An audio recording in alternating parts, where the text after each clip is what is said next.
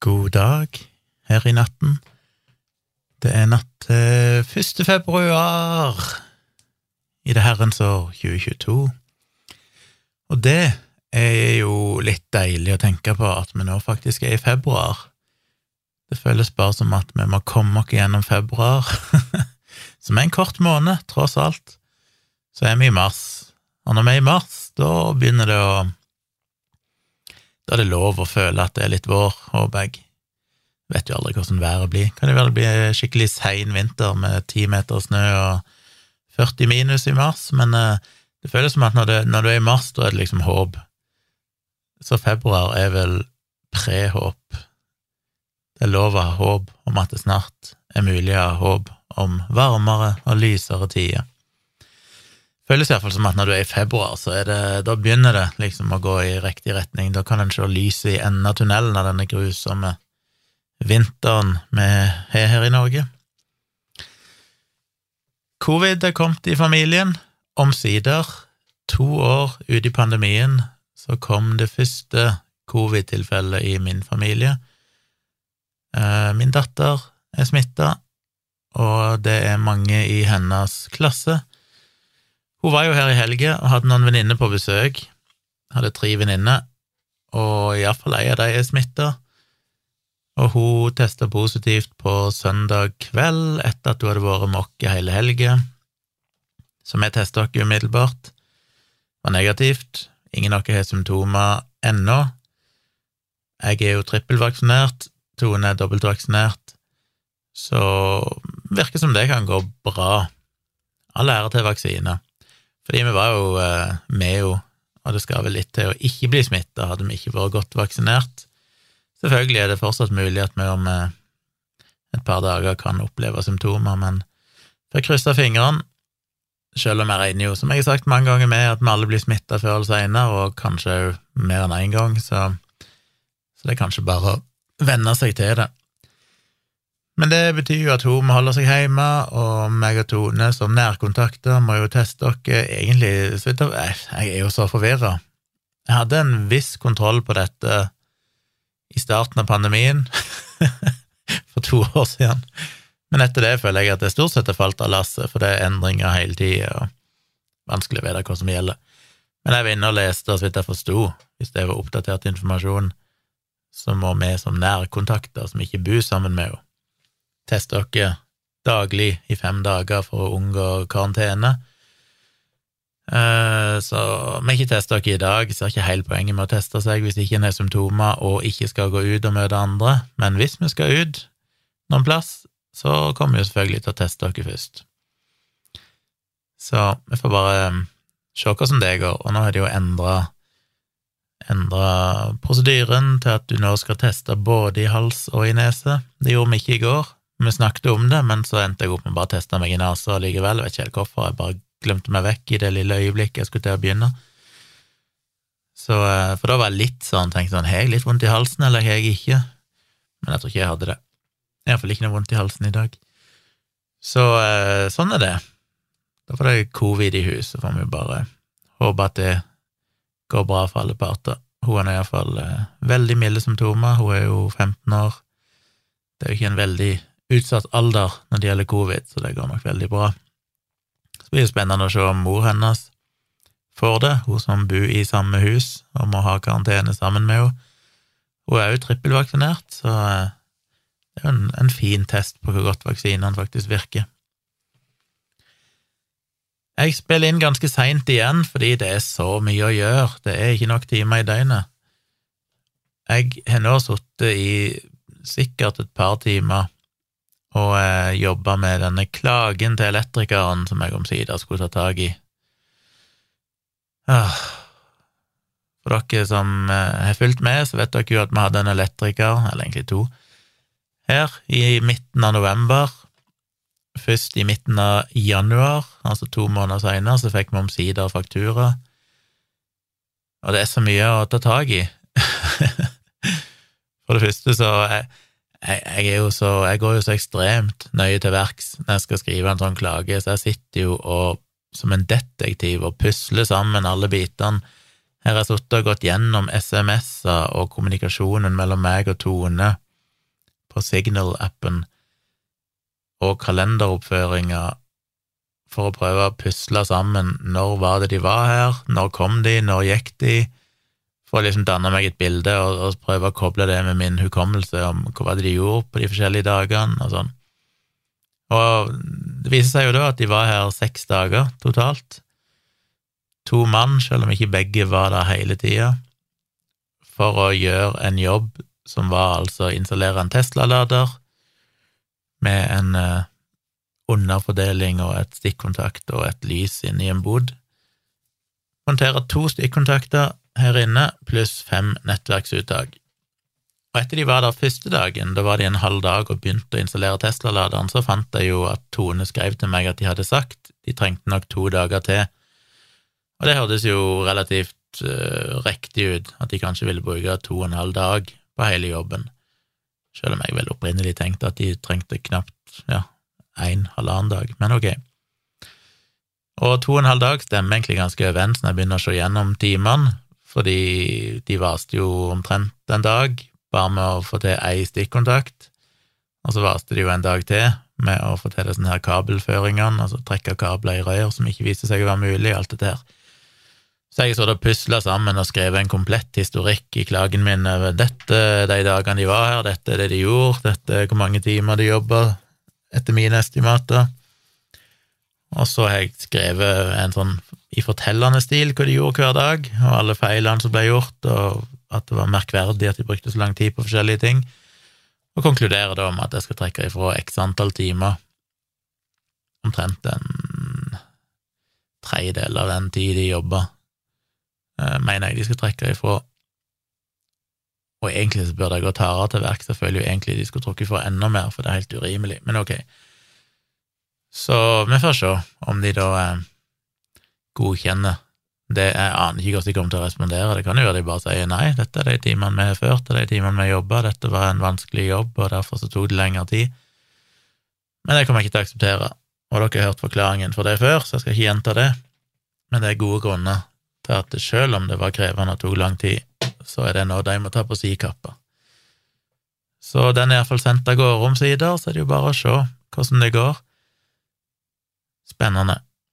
Um, jeg må jo si at uh, mulig at noen har merka det, men jeg flytta jo denne podkasten, eller jeg gjorde det ikke, men Moderne Media, som produserer podkasten, og jeg sier produserer i hermetegn, fordi teknisk sett gjør jo jeg hele jobben, uh, men sånn offisielt sett så er vel de produsent. De flytta jo podkasten fra en podkastpubliseringsplattform til en annen, og det var litt krøll i den forbindelse. Nå mente de omsider at de hadde klart å funne ut hva som var galt, og forhåpentligvis få fiksa det. Et eller annet som skjer når jeg laster opp filer. Det er jo ikke noe galt med mine filer, de har jo alltid virka helt fint på den gamle plattformen, men på den nye så ble det noe krøll når de da skulle konverteres på en eller annen måte. Så jeg tror de har funnet feil. Men jeg oppdaga jo en utilsikta bivirkning som jeg har meldt ifra om, og som jeg virkelig håper de kan fikse, og det er jo at i den konverteringa de gjør, så stripper de vekk chapter markers.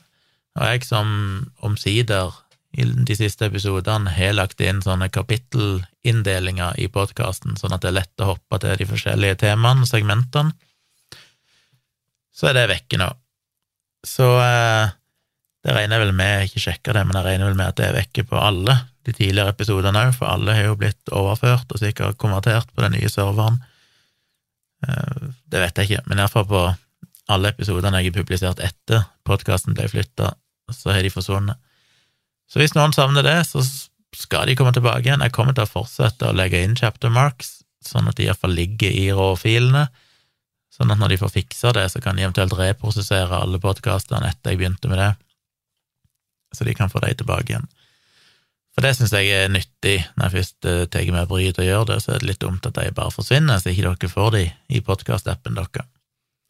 Men vi satser på at de er tilbake igjen, så hvis dere savner de, så er det altså forklaringen. Ellers har jeg sittet i dag og i kveld, og uh, ikke i dag, da har jeg jobba, men i kveld har jeg sittet med to ting. Jeg driver fortsatt på med disse bildene mine. Det evinnelige kaoset av bilde, bildefiler som er strødd overalt, og som jeg sliter med å få organisert på en skikkelig måte. Jeg eh, er ikke helt i mål sånn som jeg trodde. Jeg oppdager stadig vekk at når jeg tror jeg har bildene, så klikker jeg på et bilde, og så viser det seg at han mangler originalfil, og så er det sånn fuck, hvordan, hvor er den? Og så er han kanskje plass, men så er det sånn, jeg kan ikke ta ei og ei fil, det tar altfor lang tid, og så av og til tenker jeg ok, la, la, meg kopiere over hele denne katalogen, og så oppdager jeg oi, shit, nå har jeg plutselig masse duplikater. Så jeg vet ikke. Det er mulig at jeg på et eller annet tidspunkt bare må si alt av bilder jeg tok før januar 2022, må jeg bare anse som eh, ja, tapt. Altså, jeg har de jo, men jeg, jeg har ikke skikkelig system på de. Av og til lurer jeg på om det er verdt bryet å bruke så mye tid på det, om jeg heller bare skal si at ja, ja, jeg er ikke noen fryktelig flink fotograf ennå, så de er sikkert ikke så viktige. Jeg kommer til å ta bedre bilder i framtida, må heller se framover. Så det er mulig jeg bare kaster inn håndkleet til slutt og bare sier ok, der ligger de bildene, de er som de er, jeg kommer sikkert ikke til å gjøre så mye med de, så bare leve med det. Vi får se. I tillegg så har jeg jo, som noen av dere har fått med dere, så kjøpte jeg jo en Synology DS 920 pluss, heter den vel, som er en sånn lagringsserver, en liten serverboks som du sjøl kan putte i disker i, og der har jeg vel fire disker. Fire disker av ja, Hvor store er de? Er de åtte terabyte? Nei, de må ha 16, tror jeg. Fire disker på 16 terabyte. Men så er det speila, så jeg får i praksis bare halvparten, men jeg får litt mer enn det. Så jeg har rundt 20 terabyte eller sånn med lagring på den. Eh, så den er jo kobla til nettverket på et gigabit-nettverk. Og så har jeg jo, som jeg nevnte, drevet og kopiert over hundrevis av gigabyte og tidvis terabyte med data for å prøve å organisere disse bildene mine. Og det har gått fryktelig treigt. Av og til har jeg bare måttet gått ifra maskinen og latt den stå over natta og bare jobba seg ferdig. Men så fant jeg ut at kanskje jeg skal sjekke om det egentlig går treigere enn det det burde. Så jeg begynte å eksperimentere litt i går med forskjellige nettverksprotokoller. Apple har jo en protokoll som heter AFP. Den er vel egentlig utfasa, men den finnes ennå. Og så er det noe som heter for Samba, eller SMB, eller SIFS, heter den vel òg. Som ofte blir brukt i Windows-verden for å overføre filer mellom datamaskiner og nettverk og sånn. Og så finnes det andre NFS og R-Sync og sånn som òg støtter. støtte. Men spørsmålet var skal jeg bruke AFB eller skal jeg bruke SMB, eller Samba, som de kaller det. Så jeg eksperimenterte litt med det, og så begynte jeg å google og se videoer med sånn how to optimize, bla, bla, bla, for det er jo tonnevis av innstillinger du kan gjøre, ting du kan skru av og på. Så jeg testa litt, og så fant jeg et sånn enkelt lite program der du kan teste lese- og skrivehastighet og sånn mot en server. Eh, du bare peker den mot en eller annen plass han skal teste, og så trykker du start, og så utfører han masse operasjoner og gir deg noen tall på overføringshastighet og sånn. Det som plaga meg, var jo at jeg er jo på et gigabit-nettverk, og på de Synology-serverne da så skal du normalt kunne se rundt 100 megabit Nei, 100 Hva er det de er? Nå ble jeg usikker. Det er 100 megabyte per sekund, ja. Bør han kunne overføre. Men jeg så jo nede i sånn 15 eller sånn, så tenkte ok, her er det noe galt. Så drev jeg og herja litt, og så plutselig så fikk jeg det opp i 75-76, som var ganske bra. Ikke helt opp i 100 ennå, men jeg har ennå ikke klart å få den høyere enn eh, litt over 70, nærmere 80. Men det er på en måte godt nok. Det er jo en forbedring på fem-seks ganger raskere enn det det var. Så det var jo litt irriterende at jeg fikk det til etter at jeg hadde drevet og kopiert så mye. Jeg hadde spart mange, mange timer med venting hadde jeg bare tatt meg bryet til å ja, gjøre det først, for jeg har jo egentlig ikke tweaka noe på den der Synology-serveren, jeg har bare fått den, satt den opp og gjort noen basic ting, og så har jeg liksom ikke tenkt på at jeg kanskje burde ja, sjekke en del innstillinger. Så det har jeg i hvert fall sittet og dilla litt med, og så får jeg jo panikk for å miste ting. Nå er det eh, speiling på den serveren, det vil si at alle dataene er lagra på to disker, så hvis én disk ryker, så finnes det en kopi på en annen. Men det er klart, hvis eh, huset her brenner ned, eller skulle det komme en enorm vannlekkasje, eller et eller annet, eh, eller jeg bare skulle være så dum at jeg rett og slett ved en feil slette en hel disk, eller slette ei hel mappe med alle bildene ved en feiltagelse, så er det jo ikke så kult. Um, så den speilinga hjelper jo egentlig bare mot diskfeil, fordi hvis jeg sletter en fil eller endrer en fil, så blir det umiddelbart replikert over på den andre disken, så jeg vil jo aldri kunne gå tilbake igjen. Så det hjelper ikke mot det, det hjelper jo bare hvis en disk faktisk slutter å virke, så kan du fikse det. Så jeg må ha en annen type backup òg. Så jeg har satt opp snapshots, som skal ikke gå inn i detaljene på det, men det betyr praktisk talt at han en gang i timen så tar han en snapshot av alt innholdet. Og det høres jo forferdelig ut. Jeg tenker sånn, oi, en snapshot i timen, det blir jo mye diskplass. Men det gjør det ikke, for han gjør det på en veldig smart måte. Han låser egentlig bare innholdet akkurat sånn som det og så gang han, han tar en ny snapshot, så bare legger han til endringene, på en måte. Så det krever ikke mye data, men det er jo en fin sikkerhet det har, for da kan jeg gå tilbake igjen i tid hvis jeg skulle ha fucka opp noe. Men det er heller ikke godt nok, for det hjelper jo ikke igjen da hvis det brenner her i huset, eller serveren blir havarerer på en eller annen måte, kanskje to disker ryker samtidig, så er jo løpet kjørt. Så um, jeg måtte bite i det sure eplet og sette opp en ekstern backup i clouden.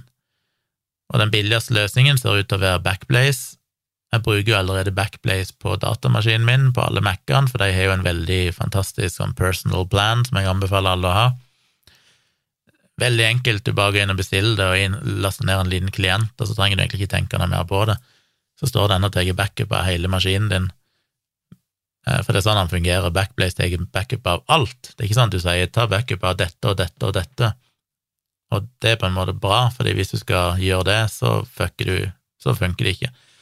Fordi hvis du sier at du skal ta backup av disse mappene, men plutselig om et halvt år så legger du til ei ny mappe og legger inn viktige ting der, og så glemmer du at den er du ikke tatt med i backupen, og så går ting galt. Så den tar alt, med unntak av det du ekskluderer. Så du kan ekskludere enkelte filtyper eller mapper, men alt som ikke er ekskludert, blir det tatt backup av.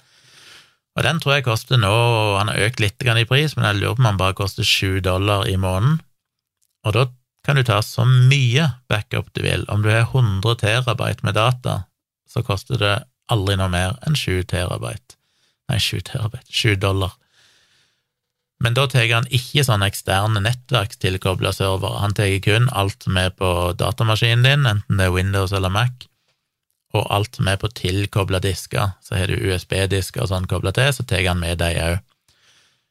Men hvis du er nå kobla til en nettverksserver, så tar han ikke med de. Da må du opp på det som heter for B2, Backblaze B2, og da begynner du å betale istedenfor for de dataene du lagrer, for det er jo mer beregna på firmasammenheng og enda mer kritiske data. Så for å få tatt backup av uh, Synology-serveren uh, min, så må jeg over på den B2, og da De er billige, for de tar faktisk ikke betalt i det hele tatt for å laste opp data men de tar betalt for de dataene du faktisk lagrer til enhver tid. Og det er jo ganske fint, for det betyr at du kan lagre ubegrenset med data, du bare betaler for det du lagrer. Så det er ikke sånn at du må kjøpe x antall eh, mengde data eh, som du betaler for enten du bruker det eller ikke. Så jeg tror det er 0,001 dollar eller noe sånt per gigabyte, et eller annet sånt, husker ikke helt.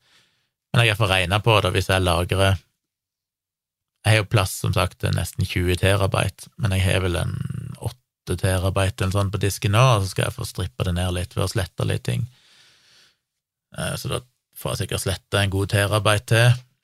Tar jeg sikkert ned i 7, og så har jeg ekskludert ifra backupen alle sånne final cut, altså når jeg sitter og redigerer video, så blir det lagra i noen sånne final cut-filer som er veldig store, for de inneholder alle videoene og bildene og musikken og alt du gjør, pluss masse ja, sånne ja, forskjellige filer som blir generert underveis, så de kan være på mange hundre gigabyte hver av de.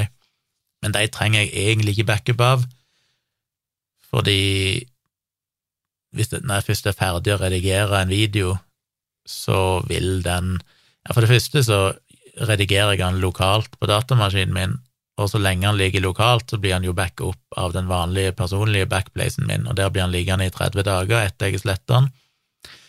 Så når jeg flytter han over til Synology, når jeg er ferdig med videoen og har eksportert en ferdig videofil, så vil det jo fortsatt være en backup i backplace i 30 dager, som er fra min egen harddisk, men så flytter jeg han over da uansett til Synologyen, og der blir han ikke backa opp, fordi ved å ekskludere dem, så tror jeg jeg sparer noen terabyte bare der.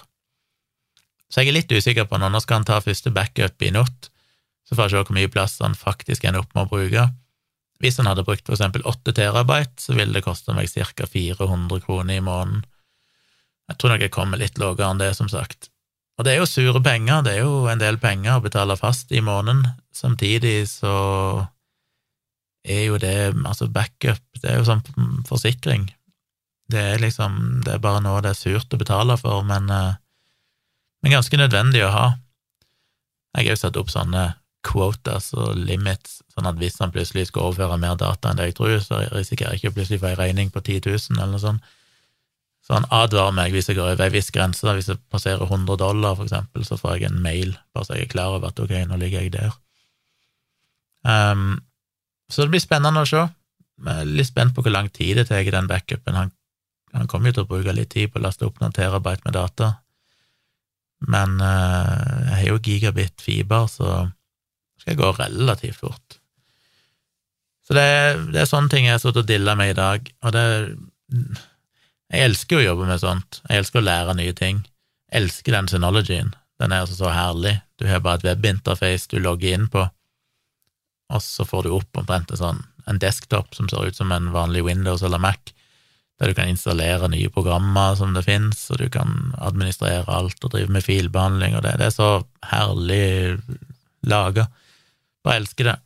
Men, øh, men det er mye å lære, mye å sette seg inn i, så det er mye å lese. Diverse videoer jeg har sett med sånne eksperter som trekker ut essensen av hvordan du skal utnytte en synology best mulig, og øke sikkerheten på han og beskytte deg sjøl mot ransomware attacks og alt mulig sånn. Og det har jeg gjort. Så ikke at jeg føler meg så veldig utsatt for det, men det er jo selvfølgelig kjipt om jeg skulle bli utsatt for det. Så det har tatt mye tid, men det begynner å nærme seg noe. Jeg har jo fått uh, redigert de bildene jeg tok da jeg var på Latter uh, forrige helg og så Dag og Krista Torjussen og eh, Ole So og Sjur Koppen og hun siste heter Jeg måtte spørre Dag hva de heter, for jeg husker ikke navnet. Hun siste heter Frida Homlung, som var veldig morsom. Fikk tatt bilde av alle de, så jeg uh, Jeg tok jo en shitload med bilder. Knipsa av gårde som en gal mann. Men jeg endte vel bare opp med å redigere 20 av de, eller noe sånt.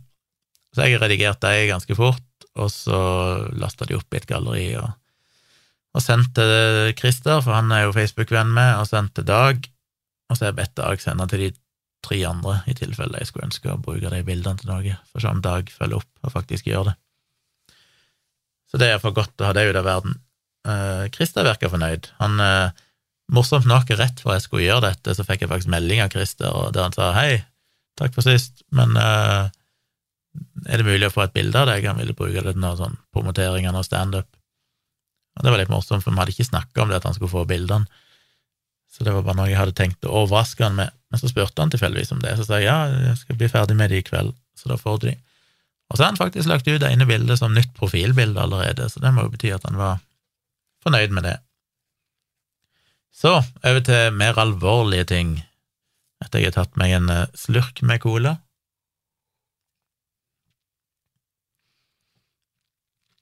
Ja, hvor skal vi begynne? Det har jo vært litt eh, oppstyr rundt Spotify og Joe Rogan og hele den sulamitten.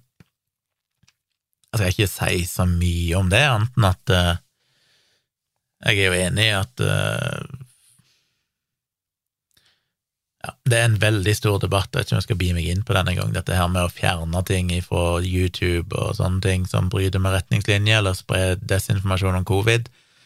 Jeg har vel drøfta det en del i livestreamene mine, og jeg faller vel ned på at selv om det på en måte er litt vondt, så tenker jeg jo at det er nok riktig, rett og slett fordi vi vet at den type desinformasjon har kosta kanskje et par hundre tusen menneskeliv i USA, og sikkert ekstremt mange hvis vi begynner å telle globalt. Eh, så det tenker jeg er et nødvendig onde, at den type desinformasjon ikke bør spres. Den skal ikke være forbudt, selv om det syns jeg er et legitimt spørsmål, så lenge det er forbudt å for eksempel eh, ja, Det er andre ytringer som er forbudt, som er definitivt mye mindre skadelige. Eh, la ikke si det er forbudt å planlegge en terroraksjon eller komme med hatprat og sånne ting. Så kan en alltid diskutere konsekvensene av det. De blir ofte litt mer abstrakte. Her snakker vi jo om ytringer som helt sånn direkte har ført til at ekstremt mange mennesker har rett og slett daua fordi de har trodd på denne desinformasjonen. Så jeg mener jo at hvis andre typer ytringer skal være forbudt, så er det vanskelig å kunne forsvare at det skal være lovlig å spre reiden desinformasjon om vaksiner og sånn. Samtidig så er jo det en fryktelig vanskelig eh, Det er vanskelig å trekke grensene der. Når er det legitim debatt og diskusjon, og når er det ren feilinformasjon og farlig feilinformasjon? Så det, det er vanskelig å bie seg ut på det. Tanken min, skal bare sånn veldig kort komme med en mulig løsning, er vel bare den at som privatpersoner så bør en ha lov å si og mene alt en vil, men når du gjør det i kommersiell hensikt, hvis noen direkte tjener penger på å spre ting som er rett i strid med vitenskapen og beviselig farlig, så kan det være at det burde være At vi burde se litt på hvor, hvor bra det er, om det er noe vi skal tillate. Uansett, det er ikke bare noe snakk om å forby det, som er jo bare på dette med at private aktører kan fjerne de fra sin plattform, og det har jo teknisk sett ikke noe med ytringsfrihet å gjøre. Det betyr ikke at de blir straffa av staten eller myndighetene, det betyr bare at YouTube eller Spotify eller andre velger å ikke bidra som en talerstol og plattform for den type informasjon. Så Spotify har fått kritikk fordi de har liksom ikke hatt noen sånn offentlig eh, retningslinje for hva de vil tillate i podkaster, for eksempel. Og så ble det vel lekka, og så viste jeg at det var ganske tynt, det de hadde internt av reglement, og nå har de tatt selvkritikk, og så er de publisert offentlig, og så har de vel sagt at de skal legge på en sånn advarsel på podkastepisoder som inneholder covid-informasjon, litt sånn som Instagram og Facebook og sånn gjør allerede, og YouTube. Så det er jo et lite skritt i rett, riktig retning, men de vil jo ikke sparke ut Joe Rogan, som de jo tross alt betalte, visstnok, over 100 millioner dollar for å få en avtale, eksklusiv avtale med for å få podkasten hans inn i Spotify. Så det er klart at det er sure penger, men så gikk vel òg aksjeverdien sank vel med fire milliarder eller et eller annet sånt etter denne kontroversen kom, så det spørs jo om de kanskje hadde ja, rent økonomisk sett hadde vært bedre å bare ditche Joe Rogan. Jeg er usikker på hva som er den riktige løsningen.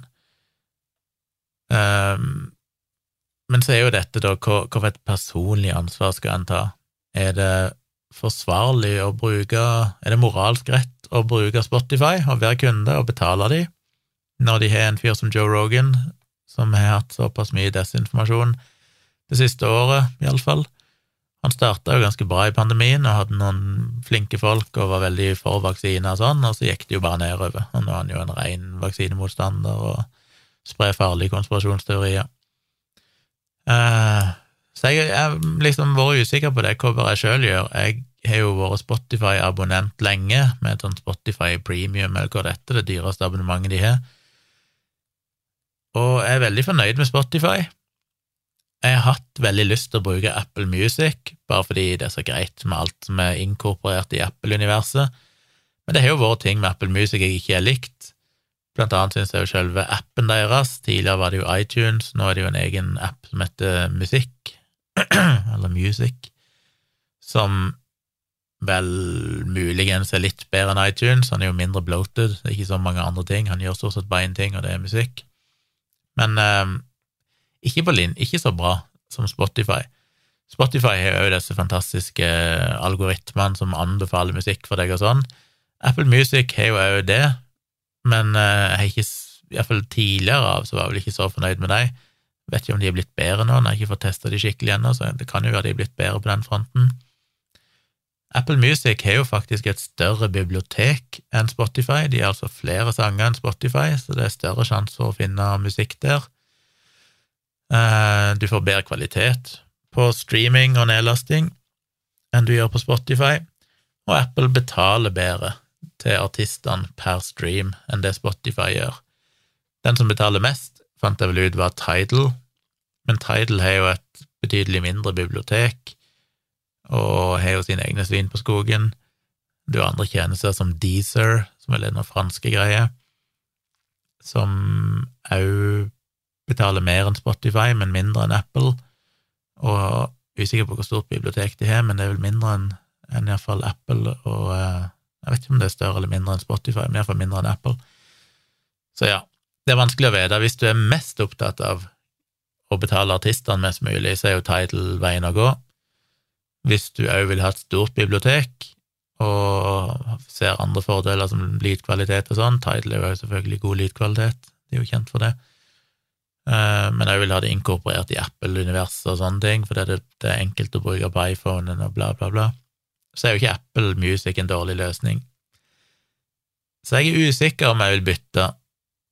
Um, jeg har inngått en ny Altså, jeg hadde et Apple Music-abonnement for lenge siden som jeg kansellerte, jeg fant ut jeg aldri brukte det, jeg brukte jo bare Spotify. Nå gjenopptok jeg det, jeg fikk sånn tilbud om to måneder gratis for å prøve det, så tenkte jeg ja, la meg prøve det, da. Så jeg får se, jeg har prøvd å bruke det de siste par dagene istedenfor Spotify, for å se om jeg blir komfortabel med det.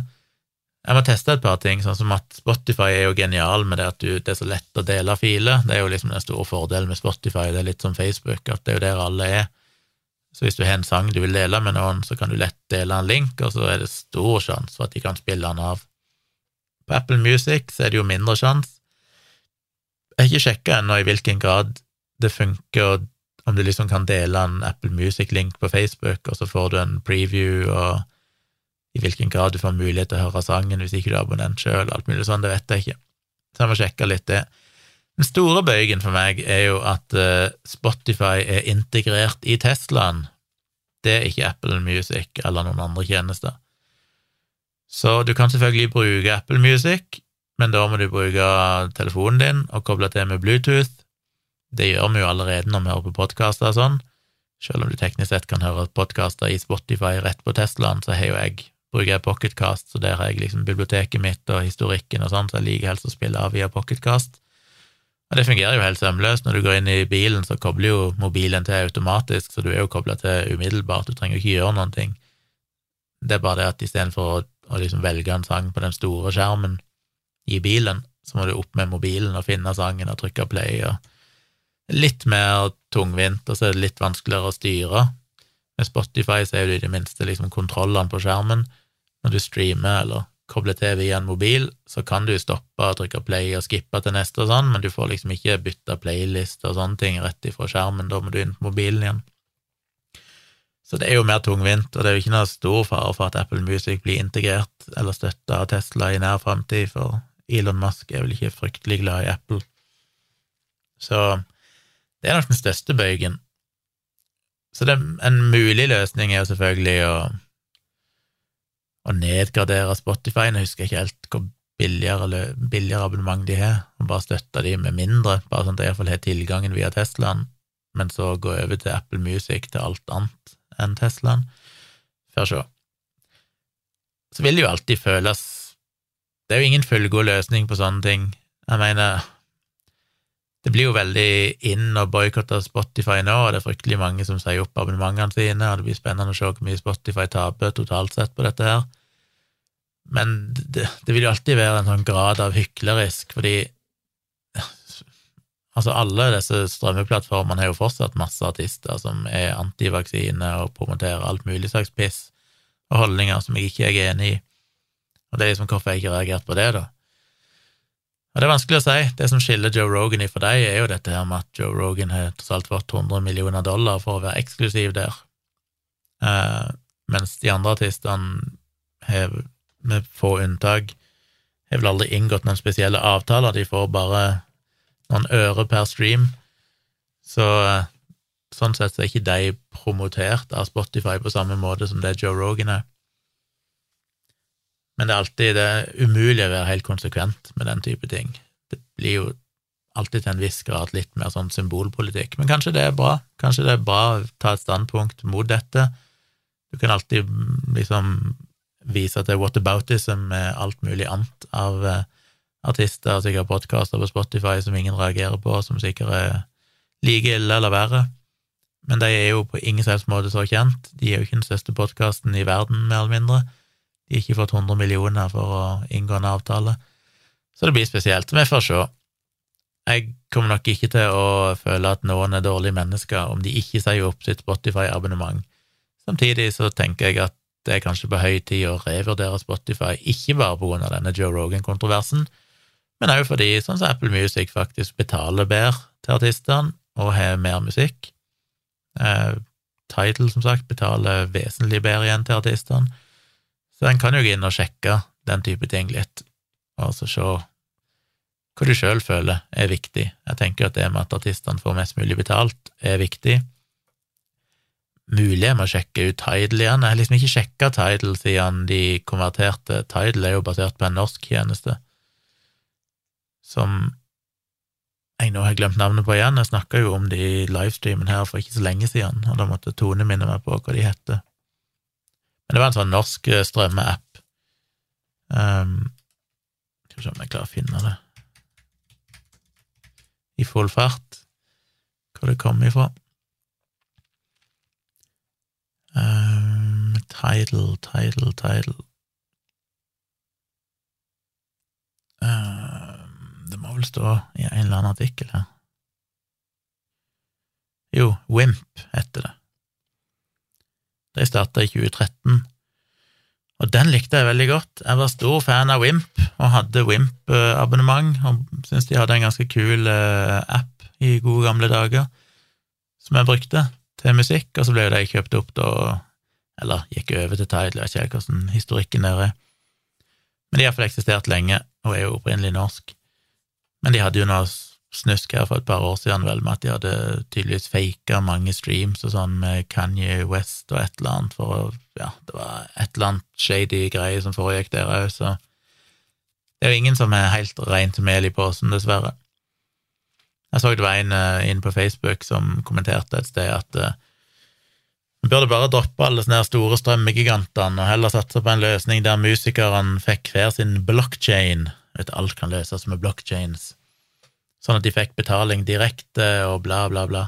Og det er sånn åh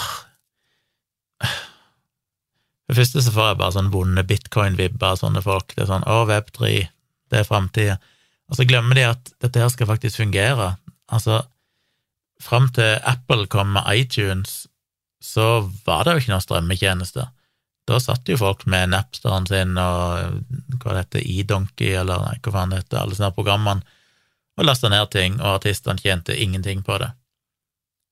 Og så kommer Apple med iTunes og iPod og alt dette her, og revolusjonerer hele det universet. Det var jo ikke strømming fortsatt, men du kunne jo faktisk på en veldig enkel måte kjøpe nedlastbar musikk, heller enn å gå og kjøpe CD-er eller laste ned gratis ulovlig. Og så kom jo etter hvert Spotify, og så begynte da Apple mm, å følge etter med Apple Music, med streaming, og så kom det jo andre tjenester. Poenget er at du må ha en eller annen stor strømmegigant, ellers så funker det ikke. Det er ikke som at Jeg mener, hva er det han ser for seg? Hvem skal administrere dette? Skal hver artist opprette en eller annen tjeneste der folk kan kjøpe musikken deres? Og hvis det da til slutt Det blir jo altfor tungvint. For det første så får du ikke da streaming.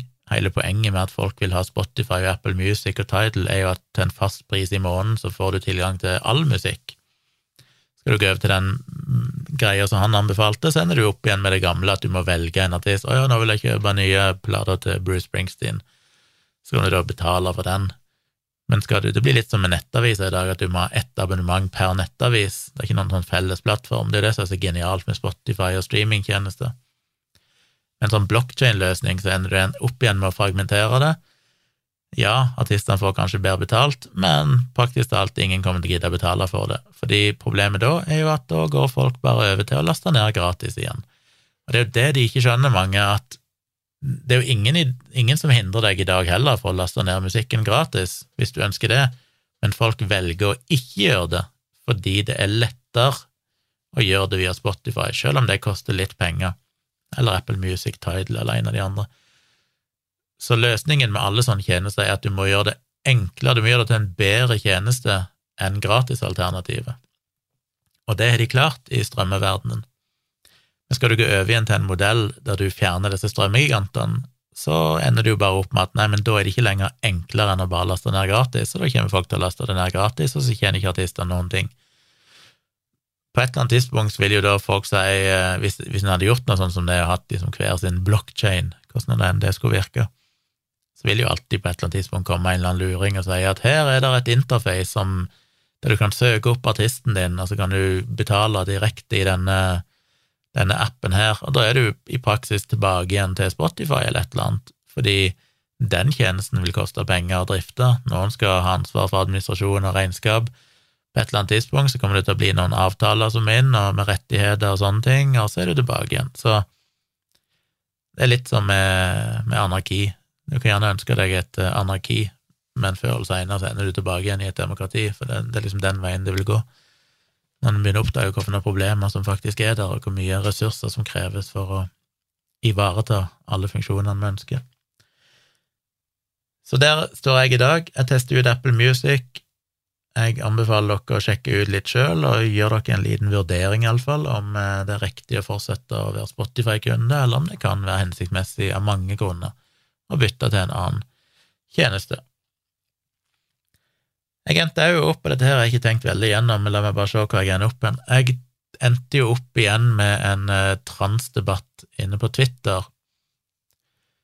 Det var ei som tagga meg og skrev at uh, hun ja, jeg husker ikke hva hun, eh, hun hadde tydeligvis blitt veldig nedbrutt av denne debatten på NRK, og så hadde hun fått tilbake igjen litt uh, glede etter å ha hørt min forrige podkastepisode, der hun følte at jeg diskuterte dette på en, en, rasjonell eller reflektert eller et eller annet og medmenneskelig måte, og det var jo hyggelig.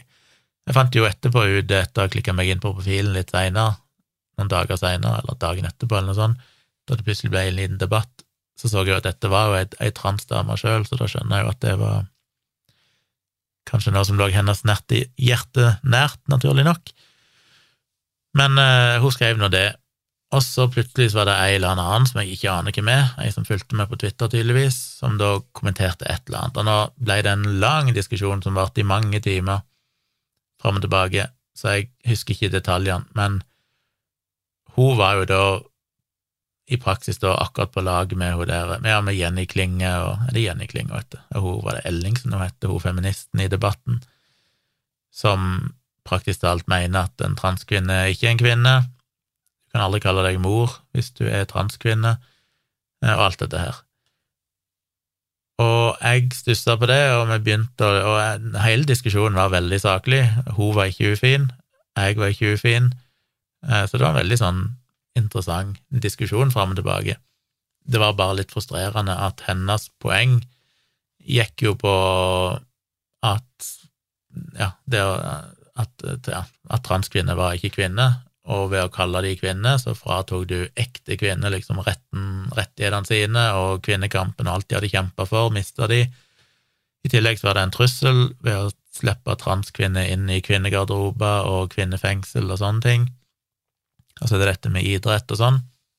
Så det var der det gikk, da. Etter mye diskusjon fram og tilbake, så kom det jo fram til slutt og oppdaga at det hun mente, var jo at Hun sa vel på et tidspunkt langt ute i debatten at hun hadde ikke noe problem med transkvinner uten penis i en kvinnegarderobe, men det var de med penis som var et problem, fordi det var jo kvinner som gjerne frykter eh, penis, holdt jeg på å si, Eh, eller som har opplevd overgrep som barn, alt dette her, og, og de trenger en trygg sfære å være i. Og det som blir så vanskelig i den debatten, er at For hun brukte jo mot meg etter hvert, liksom at ja, du, du bryr deg tydeligvis ikke om kvinners følelser og sånne ting. Og det er så vanskelig, fordi jeg skjønner jo på den ene sida veldig godt nettopp poenget hennes. Jeg sympatiserer jo veldig med det at ja, har du vært utsatt for et overgrep og sånn, eller bare kvinner generelt, eh, historisk sett, statistisk sett, så skjønner jeg at kvinner har grunn til å føle seg utrygge blant fremmede menn. Så jeg, jeg sympatiserer jo med det. Og samtidig så føler jeg at du kan jo ikke bruke det som et argument mot at en transkvinne skal få lov å dele garderobe med deg. Fordi det er jo, som jeg sa i forrige episode, praktisk talt analogt til rasisme. Og Det blir jo det eksempelet jeg brukte, og brukte henne òg, at det er jo som å si at ja, vi må ha egne skolebusser for hvite barn fordi svarte er farlige, det vi leste i avisen, vi har hørt et eller annet. Eh, og det kan virke litt sånn absurd, men så er jo plutselig den direkte analogien er jo det jeg sjøl har møtt mange ganger i debatt om innvandring. Det er jo de som sier at, helt, og jeg skriver vel til og med dette i håndbok i krisemaksimering, at folk bruker helt konkrete argumenter med at norske kvinner føler seg utrygge fordi ja, menn med innvandrerbakgrunn eh, driver med så mye voldtekt og sånn. Og så kan du diskutere statistikken i dette, og liksom, er det egentlig sant, og er dette egentlig reell, et reelt problem? Men så sier de at ja, men det er helt irrelevant, for poenget er at kvinner føler seg utrygge, og det må vi respektere. For det første så føler jo kvinner seg utrygge nettopp fordi sånne folk som det driver og sprer desinformasjon og sprer frykt, så det er jo en selvoppfyllende profeti. Men ser en bort ifra det, så er jo poenget da, skal en virkelig da stoppe si nei til alle flyktninger, stenge grensene, fordi vi må respektere at noen kvinner føler seg utrygge fordi de har lest om en eller annen overfallsvoldtekt eller et eller annet utført av en, en person med innvandringsbakgrunn. Og det kan vi jo selvfølgelig ikke.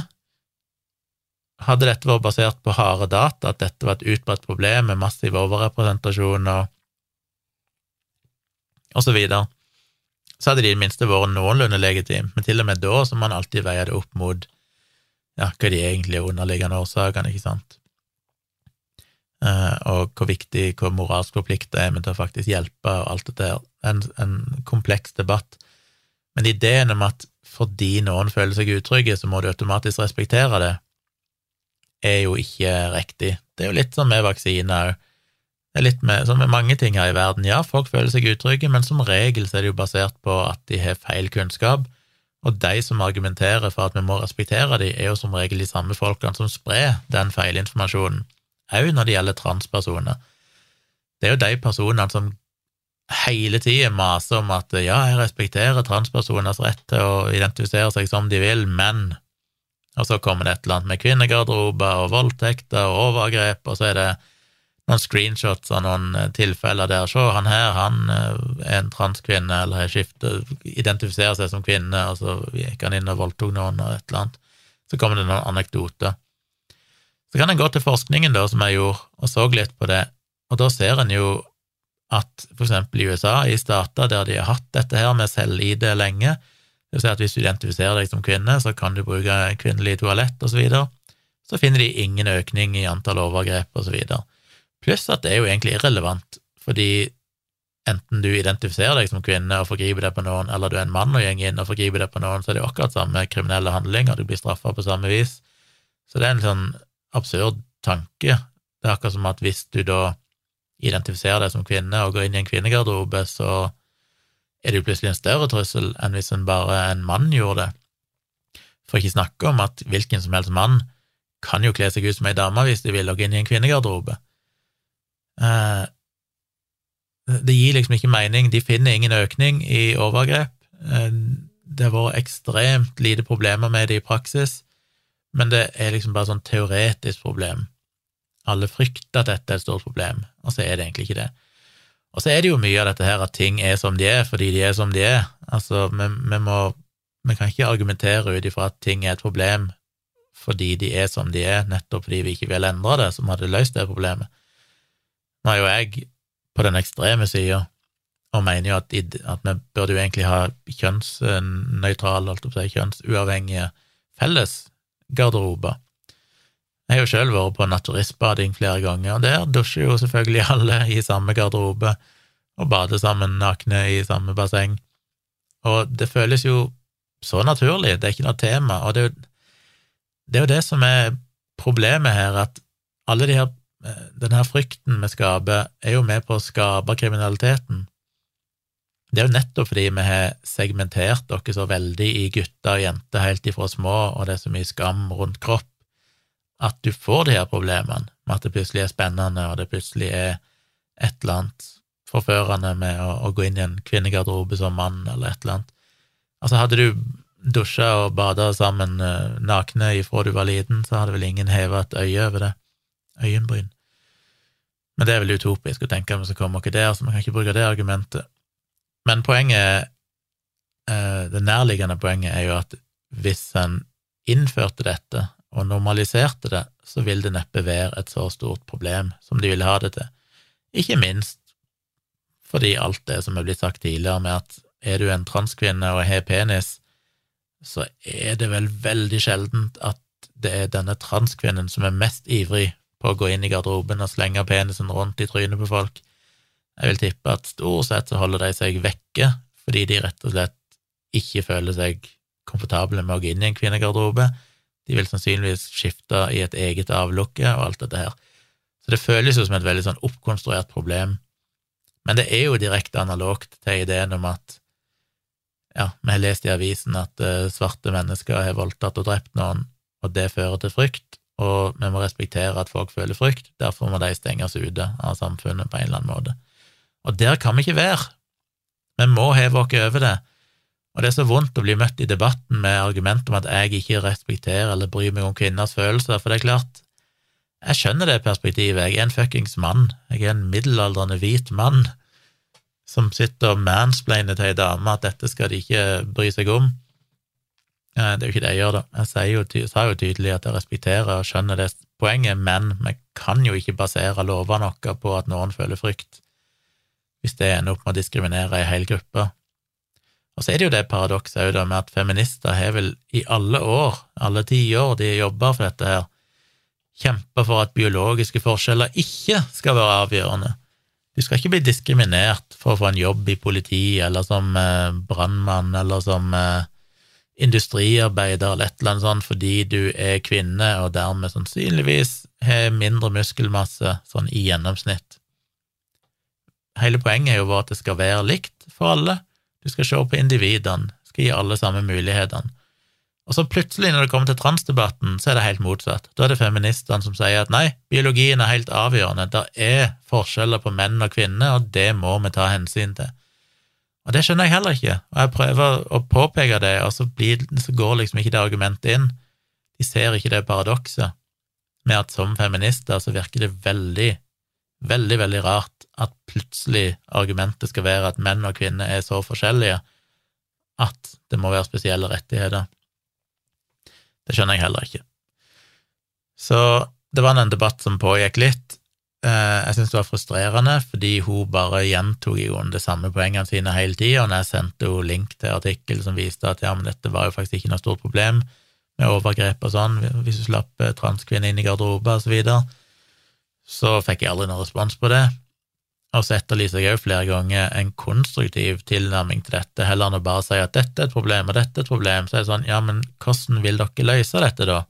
Hvordan vil dere ivareta rettighetene til transpersoner, og samtidig passe på at ikke det går på bekostning av kvinners rettigheter, generelt sett, som jeg fortsatt ikke helt skjønner at de gjør, men hvis de hevder det eh, Det får du aldri noe svar på, for det er ikke snakk om å prøve Det er liksom ja, jeg vil jo at transpersoner skal ha det bra og respektere deres rettigheter, men der stopper det.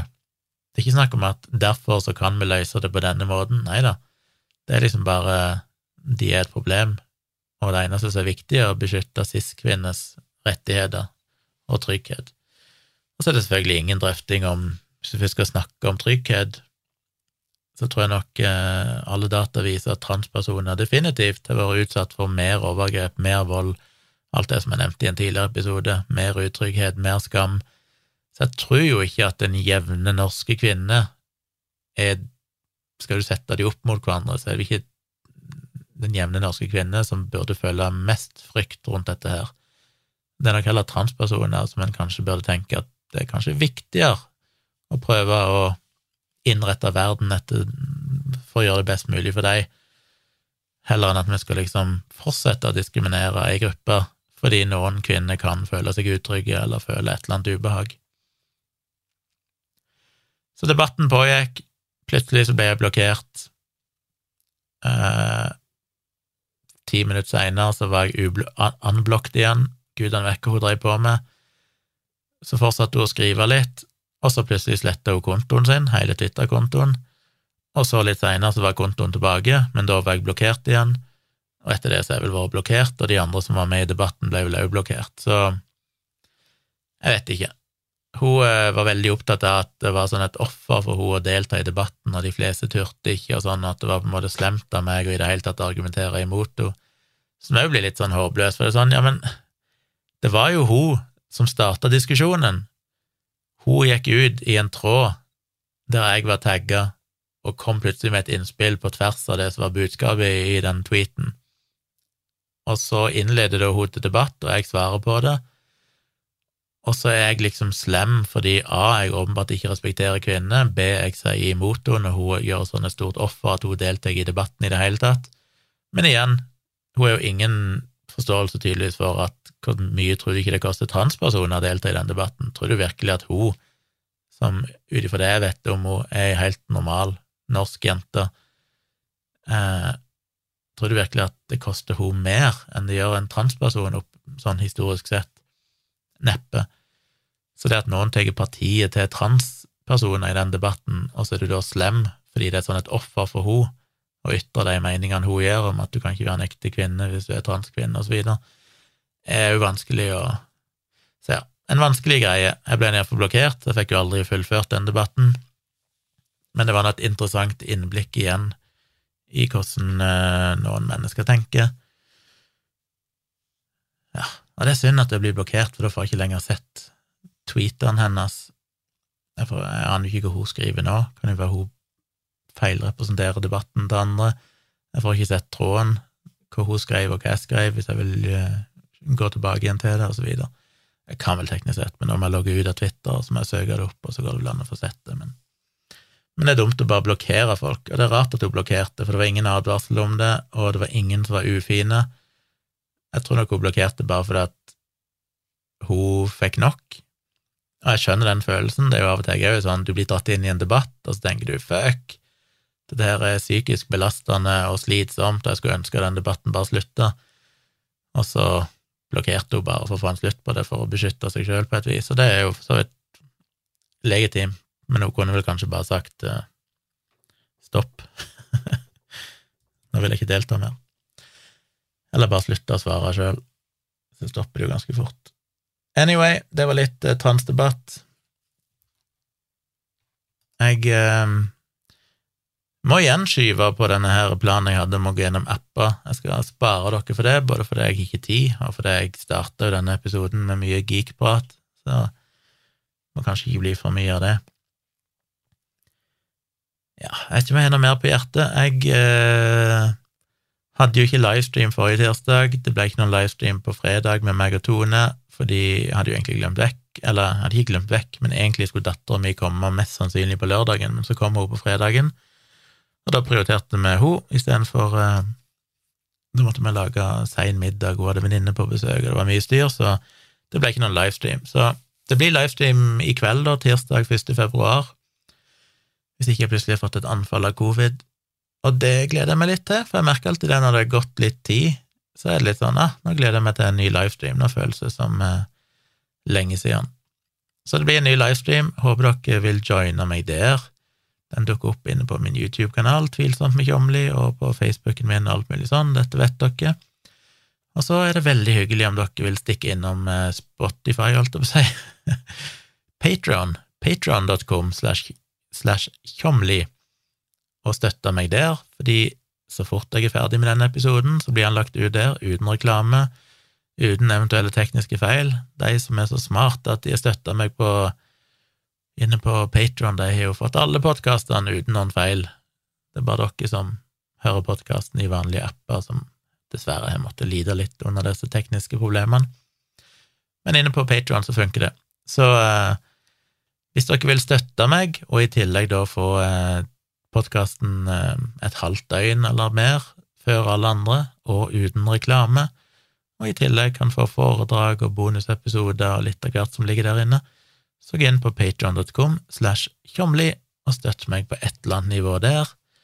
Minner dere òg om at det fortsatt skjer ting inne på kritisketenkere.no, så registrer dere gjerne der og delta i debatten fint om folk er flinke til å delta med kommentarer og poste ting.